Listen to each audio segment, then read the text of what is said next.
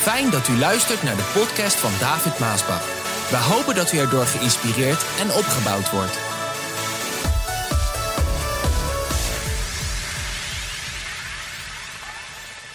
De kracht van positief geloof. En we gaan lezen uit de Bijbel uit 1 Samuel 17, vers 40 tot en met 51. Een bekend verhaal en ik ga het voor u lezen. En toen nam hij zijn stok, pakte vijf gladde kiezelstenen uit een beekje en deed die in zijn herderstas. En zo ging hij op Goliath af, slechts gewapend met zijn slinger. Goliath kwam ook naar voren, luid commentaar gevend op dat jonge ventje met rozige haar. Ben ik soms een hond? donderde hij tegen David. Als je met een stok op mij afkomt. En hij vervloekte David in de naam van zijn goden. Kom er eens hier, dan zal ik je vlees aan de vogels en de wilde dieren geven, brulde Goliath. David riep ten antwoord: U komt op mij af met een zwaard en een speer en een schild. Maar ik kom in de naam van de Heer van de hemelse legers van Israël. Dezelfde God die u hebt beledigd. De Heere zal u vandaag overwinnen. Ik zal u doden en uw hoofd afhakken. En de lijken van uw mannen zal ik aan de vogels en de wilde dieren geven. De hele wereld zal weten dat er een God is in Israël. En iedereen hier zal weten dat de Heer niet afhankelijk is van wapens om zijn plannen uit te voeren. Onze God heeft de strijd volledig onder controle. Hij zal u in onze macht geven. terwijl Goliath dichterbij kwam, rende David hem tegemoet. Al lopend pakte hij een kiezelsteen uit zijn herderstas en deed die in zijn slinger.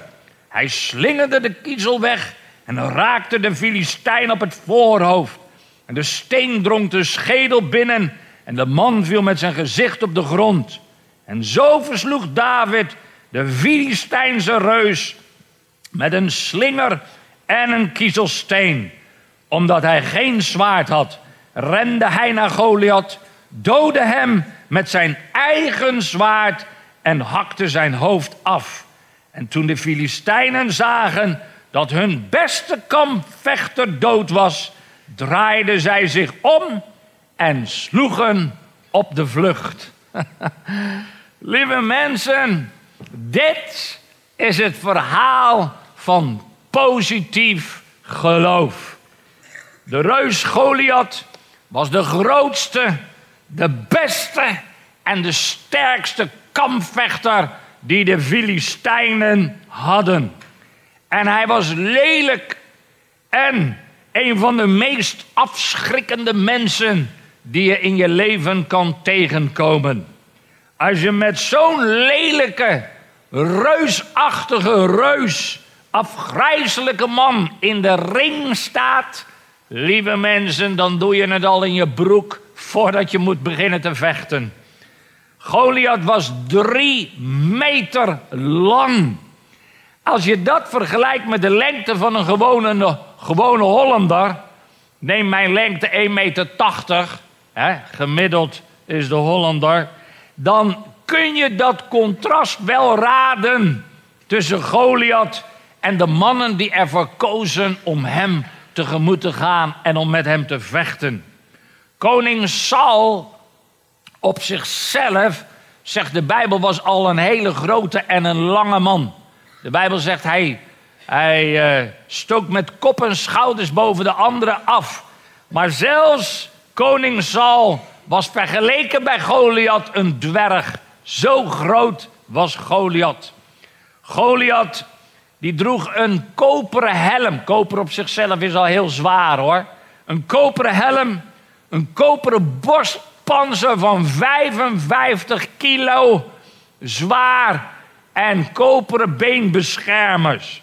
Hij had koperen speer, een hele grote, dikke koperen speer in zijn handen. En de punt van die speer die op die koperen speer zat, die was van ijzer en die woog zes kilo. Kan je nagaan hoe zwaar. En voor Goliath uit riep, liep een schildknaap met een reusachtig schild van Goliath. Veertig dagen lang stapte deze reus het dal in en hij daagde het volk van God uit. En hij was zo zeker van zichzelf dat hij de sterkste was, dat hij een hele grote mond had met een hele hoop poeha. En ook alle Filistijnen hadden op hem gewet dat hij zou winnen. Nou, Goliath, die was hun kampioen. De kampioen van de Filistijnen, de tegenstanders van het volk van God. En dit is wat Goliath elke dag riep met luide stem. En ik ga het u lezen in 1 Samuel 17, vers 8 tot en met 11. Luister, hij bleef staan, Goliath, en hij schreeuwde: Zouden jullie wel optrekken en vechten? Ik vertegenwoordig de Filistijnen. Kiezen jullie uit de mannen van Saul ook een vertegenwoordiger? Dan zullen wij dit in een man tegen man gevecht uitvechten. Als jullie man erin slaagt om mij te doden, dan zullen wij jullie slaven worden. Maar als ik hem dood, dan moeten jullie onze slaven worden. Ik daag de legers van Israël uit. Stuur mij een man die tegen mij wil vechten. En toen Saul en zijn mannen dit hoorden, raakten zij ontmoedigd en ze werden bang. Ze werden bang. Maar op zekere dag, ja, dan komt Gods kampioen achter de schapen van zijn vader vandaan. En hij ging daar op weg om zijn grote broers te ontmoeten die in het leger waren, om die te bezoeken. En de naam van die kampioen, de naam van die jongen, is David. David. Niemand had op dat moment het vermoeden dat die kleine jongen Gods kampioen was, die God zou gebruiken om te vechten tegen deze grote, enorme reus. Want kleine David was eigenlijk maar een schaapsherdersjongen. Daar in de heuvels van Bethlehem. Om over de schapen te waken van zijn vader Isaïe. Isaïe had acht zonen, zegt de Bijbel. En toen David aankwam bij het kamp, toen vond hij zijn drie oudste broers. Eliab, Abinadab en Samma. En David zei: hey broers, hoe is het ermee? Hoe gaat het ermee? Hoe staat het met de strijd? Hier is kaas en brood wat papa heeft gegeven voor jullie. En ik moest vragen hoe het met jullie en de strijd gaat. En dan, terwijl hij dit aan zijn broers vraagt, hoort hij plotseling die angstaanjagende stem van die grote reus Goliath schreeuwen: Zend jullie sterkste man tot mij om met mij te vechten. Als ik win, dan zijn jullie onze slaven. En als jullie winnen, dan zijn wij jullie slaven.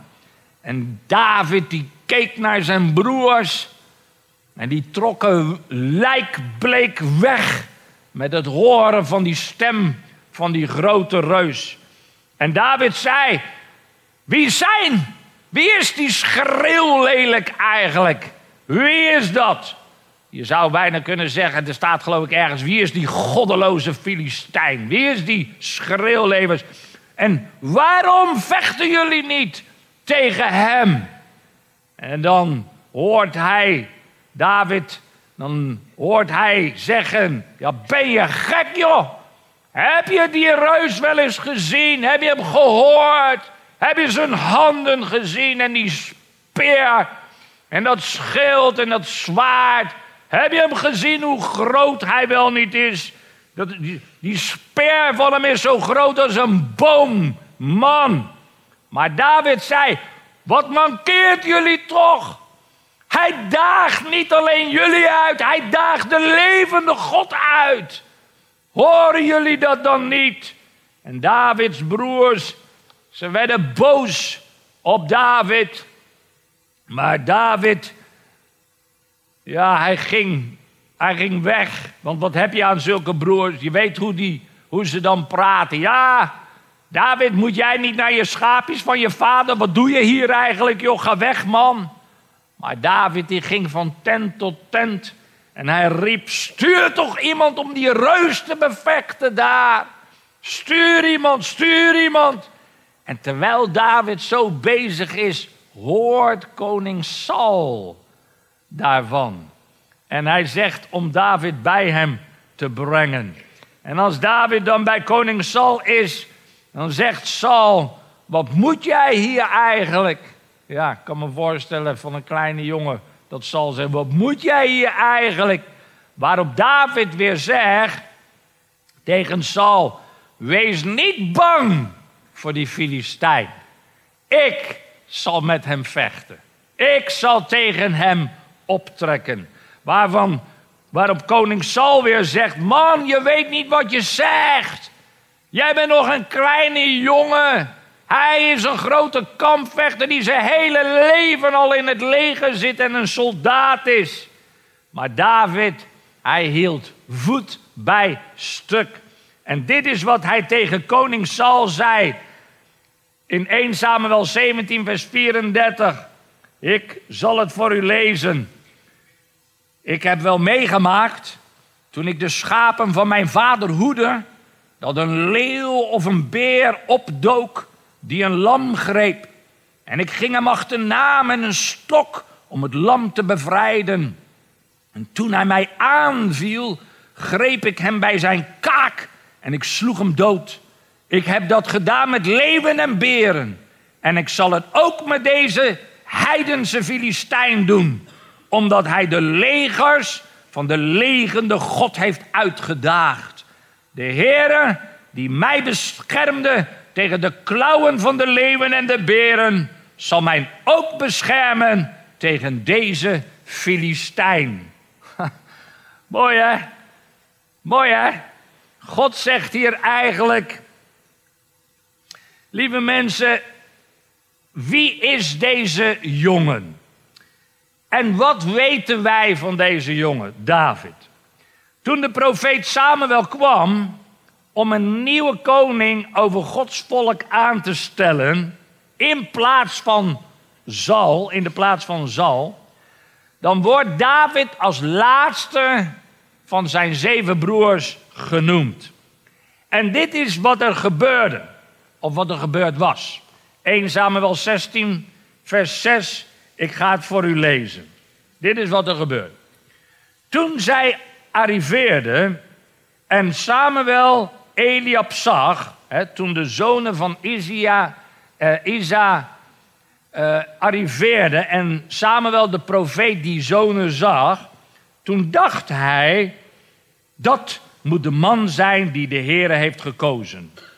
Maar de Heere zei tegen hem, beoordeel een man niet op zijn uiterlijk of zijn lengte, want dit is niet de man die ik bedoel. Ik beslis op andere gronden dan u.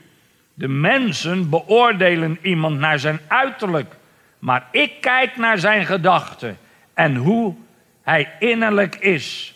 Toen riep Isaïe zijn zoon Abinadab naar voren en stuurde hem naar Samuel. Maar Samuel zei: Hij is het ook niet. En daarna was Samma aan de beurt.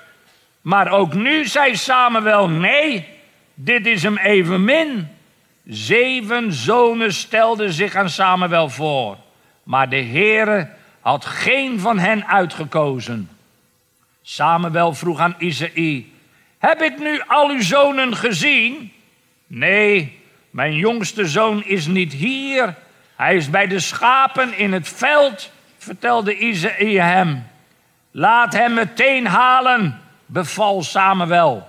Want wij nemen geen eten wanneer hij, want wij gaan pas eten wanneer hij hier is. Isaïe liet hem halen. Hij was een knappe jongen met rood haar en vriendelijke ogen.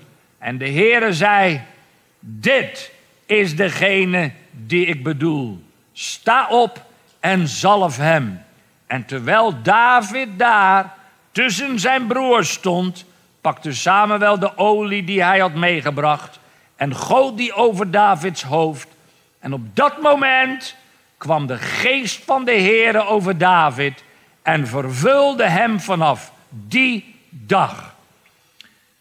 God zegt hier eigenlijk, Samuel, ik kijk niet naar het uiterlijk.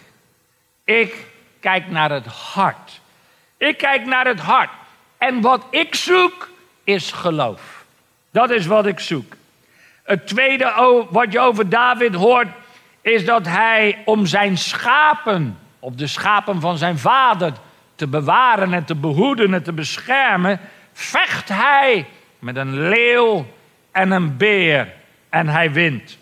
En het derde wat je over David hoort, is dat hij op het strijdtoneel verschijnt en hij zegt: Wees niet bang, ik zal met Goliath vechten. Ik zal met hem strijden, ik zal met hem afrekenen.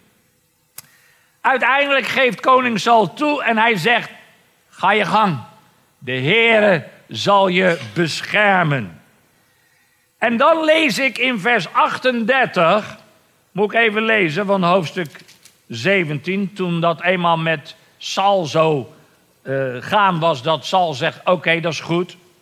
Dan staat er: Hierna gaf hij David zijn eigen wapenrusten: een koperen helm en een panzer. David trok het aan, gorde zijn zwaard om en deed enkele stappen om te voelen hoe het zat. Want hij had nog nooit een wapenrusting aangehad. Ik kan mij niet bewegen, zei hij tegen Zal. En hij trok alles weer uit. hij trok alles weer uit. En de rest is geschiedenis, wat ik net eigenlijk heb gelezen in de strijd tegen Goliath. Lieve mensen, misschien vindt u het vreemd als ik u dit zeg, maar David had eigenlijk niet meer, niet meer geloof dan zijn broers en, de, en de, uh, het rest van de leger wat daar eigenlijk aanwezig was uh, het leger van Zal. Nee, dat had hij niet, maar wat hij wel had, dat was een ander soort geloof. Of ik zou de klemtoon ook anders kunnen leggen, een ander soort geloof. Hij had niet meer geloof, maar hij had een ander geloof. Voor David was God de levende God. Dat wil zeggen, God was voor David niet een sprookje, niet een mythe, niet iets vaags, niet iets ver wegs. Niet iets waar hij zomaar wat over gehoord had of gelezen. Niet alleen de God van zijn vader. Nee, de levende God was Davids God. Als David aan God dacht, dan dacht hij aan een persoon. Een persoon met wie hij kon praten. Een persoon met wie hij kon wandelen in zijn leven. Een persoon die hij kon voelen, ervaren in zijn leven. En toen de beer en de leeuw de schapen van zijn vader wilden wegroven, toen kon hij de levende God aanroepen met heel zijn hart om hulp roepen.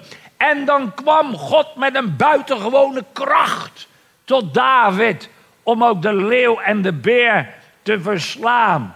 Voor David was God een levend wezen. Hoorde dat? Een levend wezen. Vele mensen hebben vandaag geen enkel idee wie God is. Als ik u zou vragen, wie is God? Nou, moet eens kijken hoeveel antwoorden ik krijg van mensen die geen enkel idee hebben wie wat God is. Het enige contact dat veel mensen met God hebben, dat is op de zondagmorgen als de predikant of de dominee of de priester over God praat in de kerk. Of uh, op een begrafenis. Als ze op een begrafenis zijn, dan horen ze over, over God praten. Of als ze iemand horen vloeken. Dat is het enige wat zij eigenlijk over God weten. Zij weten niet dat je met de levende God een ervaring in je leven kan hebben. En dat je zijn aanwezigheid in je kan voelen, om je heen kan voelen.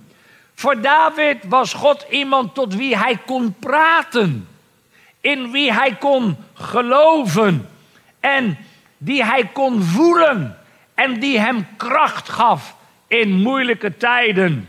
Lieve mensen, is God in uw denken iemand die gewoonweg niet bestaat? Dat kan. Misschien zeg je dat, ah, God bestaat niet. Ik heb niks met God, zegt u dan. Iemand die niet bestaat, iemand die geen vorm heeft, die geen beeld heeft. Iemand iets vaags, iets wat ver weg is, ver van ons bed weg is. Een of andere theologie, een of andere term die gebruikt wordt bij gelovige mensen.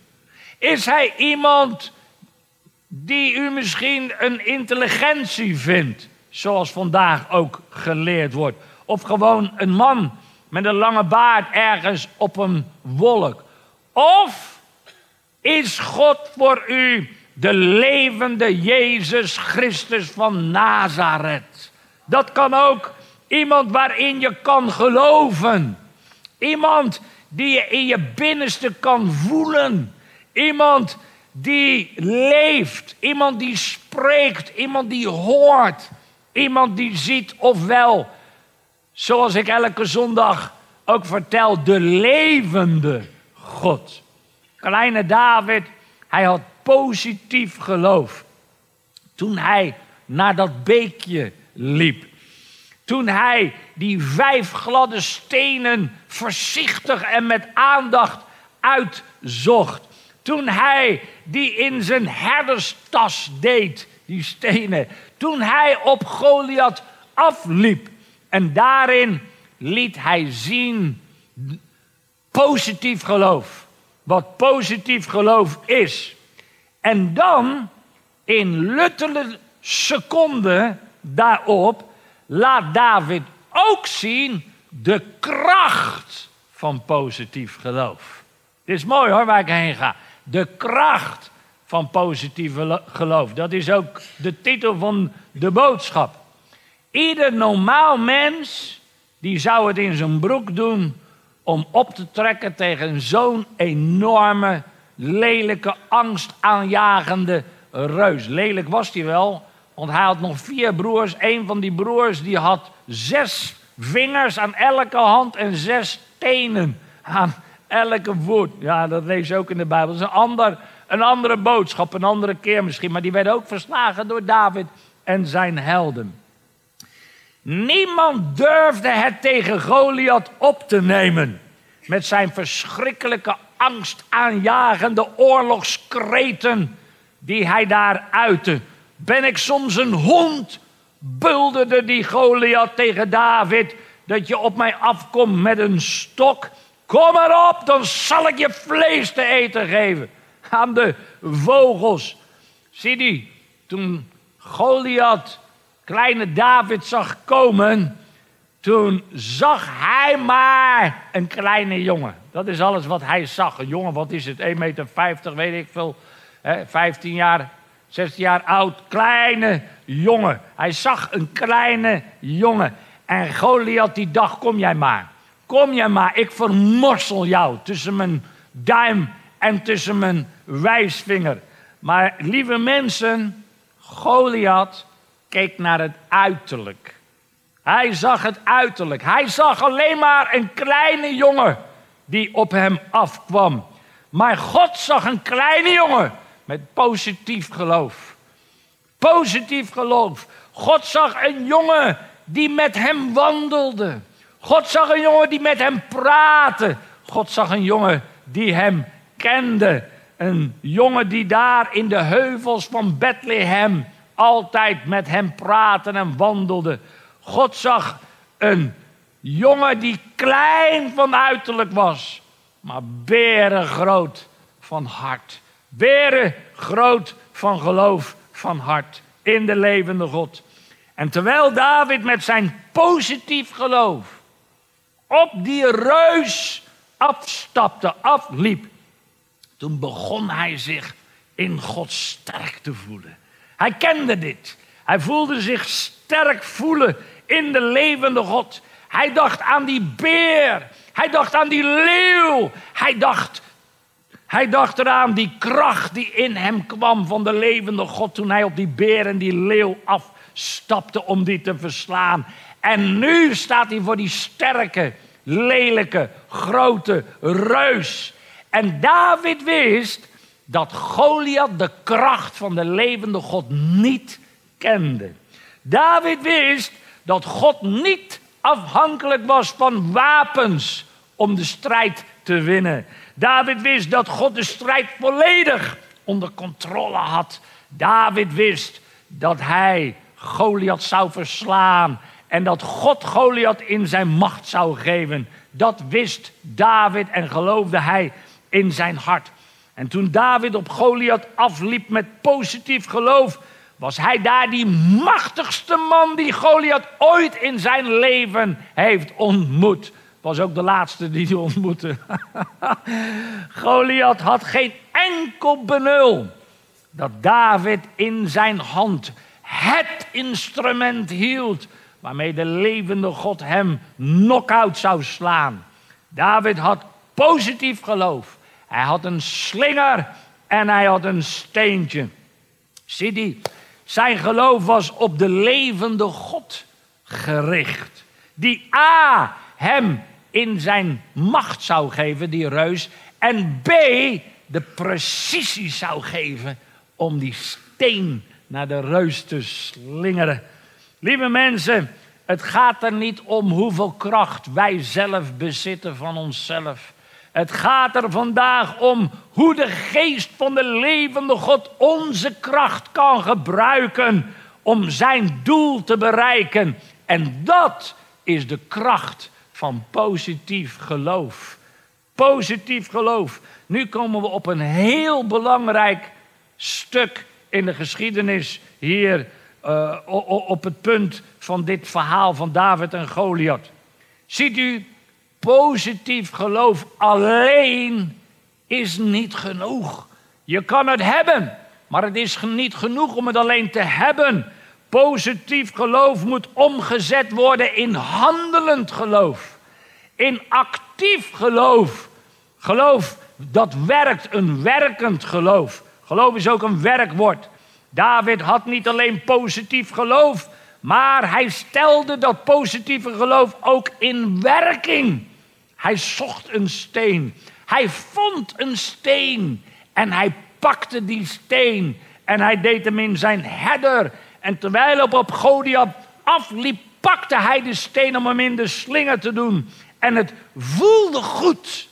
Het voelde alsof hij daar in de heuvels van Bethlehem was. Daar met zijn slinger, daar met die beer, daar met die leeuw. En het slingeren van die steen, dat werd zijn punt van contact. Hoor je dit? Ik herhaal dit. Het slingeren van die steen werd zijn punt van contact. En de steen ging rond, ging rond en rond en rond. En het moment dat die steen uit de slinger schoot, schoot zijn geloof uit David. En de steen vloog door de lucht. Raakte de reus van Goliath in zijn voorhoofd. Met een precisie die alleen God kan geven. En de steen drong door in het hoofd. In die lelijke kop van Goliath. En de reus viel op de. Ah. oh ja, lieve mensen, Davids geloof zat niet in die steen. Het zat niet in die slinger. Davids geloof zat in de levende God die de steen gebruikte om Goliath knock-out te slaan. Met andere woorden, Davids geloof en Gods kracht kwamen samen in die steen. Het werd het punt van contact. En dat was wat het was. Het punt van contact. Dat is waar het gebeurde. Dit grote wonder. Een punt van contact is iets dat je doet. Het werkt, het is iets dat je doet. En het moment dat je het doet, stelt het je geloof wat je binnenin je hebt, stelt het in werking. En daarmee komt Gods geloof en of komt jouw geloof en Gods kracht komt samen waarin het wonder geschieden zal. En dit is de reden waarom ik ook elke keer weer vraag om u te helpen uw geloof in werking te stellen, om uw hand op mijn hand te leggen. En om uw hand naar mij uit te strekken als u dat niet kunt. Als u uw hand niet op mijn hand kunt leggen, strek het uit. Het is dat je je geloof in werking stelt. Dat er een punt van contact zal plaatsvinden. Ik vraag je dus altijd om iets te doen. En door dat iets te doen, stelt u uw geloof in werking. Niet in mij, niet in mijn hand, maar in de levende God. Ziet u niet in die slinger, niet in die steen, maar in de levende God. Niet in mijn hand, niet in mij, David Maasbach, maar in de levende God. Ik kan niet redden. Ik kan niet genezen. Ik kan niet bevrijden. Ik ben een man van vlees en bloed. Maar de levende God kan het wel. Hij is bij machten om een wonder voor u te doen, net als bij David. David stelde zijn geloof in de levende God. Hij werd daar al geraakt toen hij dat hoorde. Wie is hij? Hij daagt de levende God uit. Niet alleen jullie, maar de levende God. Ik zal met hem strijden. En dezelfde God die de berende leeuw door mij overwon, zal ook de Filistijn overwinnen. En zo is het principe hetzelfde ook vandaag. De levende God zal u kunnen aanraken en genezen en verlossen en bevrijden en het wonder voor u doen. Stel daarom uw geloof in de levende God, terwijl ik u help om uw geloof in werking te stellen door mijn hand uit te strekken. Wie u ook bent en waar u zich ook bevindt, nu is het moment en de gezette tijd om het te doen. Stel uw geloof in werking. Leg uw hand op mijn handen. En als u dat niet kunt, strek hem naar mij uit. En ga de reus tegemoet in hetzelfde positieve geloof als David deed. Terwijl ik bid en zeg, Vader in de hemel, ik dank u voor uw grote goedheid en uw grote genade. Ik dank u dat u dezelfde bent gisteren, vandaag en tot in eeuwigheid. O vader, wat u daar deed voor kleine David, om die reus Goliath te verslaan. Zo wil u vandaag ook de reuzen verslaan in de levens van mensen die hun geloof in werking hebben gesteld. Heren, als daar ziekte is, in de naam van Jezus laat uw kracht naar hen uitgaan. Genees hem van welke ziekte dan ook. Heren, als daar mensen zijn die getart en uitgedaagd worden door de boze. O Vader, laat dan de kracht van Jezus uitgaan om hen te bevrijden uit die macht. In de naam van Jezus ontvang uw genezing. Ontvang uw verlossing. En zeg het maar, net als David, de levende God zal mij doen overwinnen. O, in de naam van Jezus ontvang daarom ook uw genezing vandaag. Ontvang uw bevrijding vandaag. Ontvang uw overwinning vandaag, hier, nu, op dit moment, terwijl wij in gebed zijn en de levende God vragen. Laat uw geloof stromen tot de levende God. Zo zal zijn kracht tot u komen. En als een punt van contact zal God u nu aanraken. In Jezus' naam ontvang uw wonder. Amen.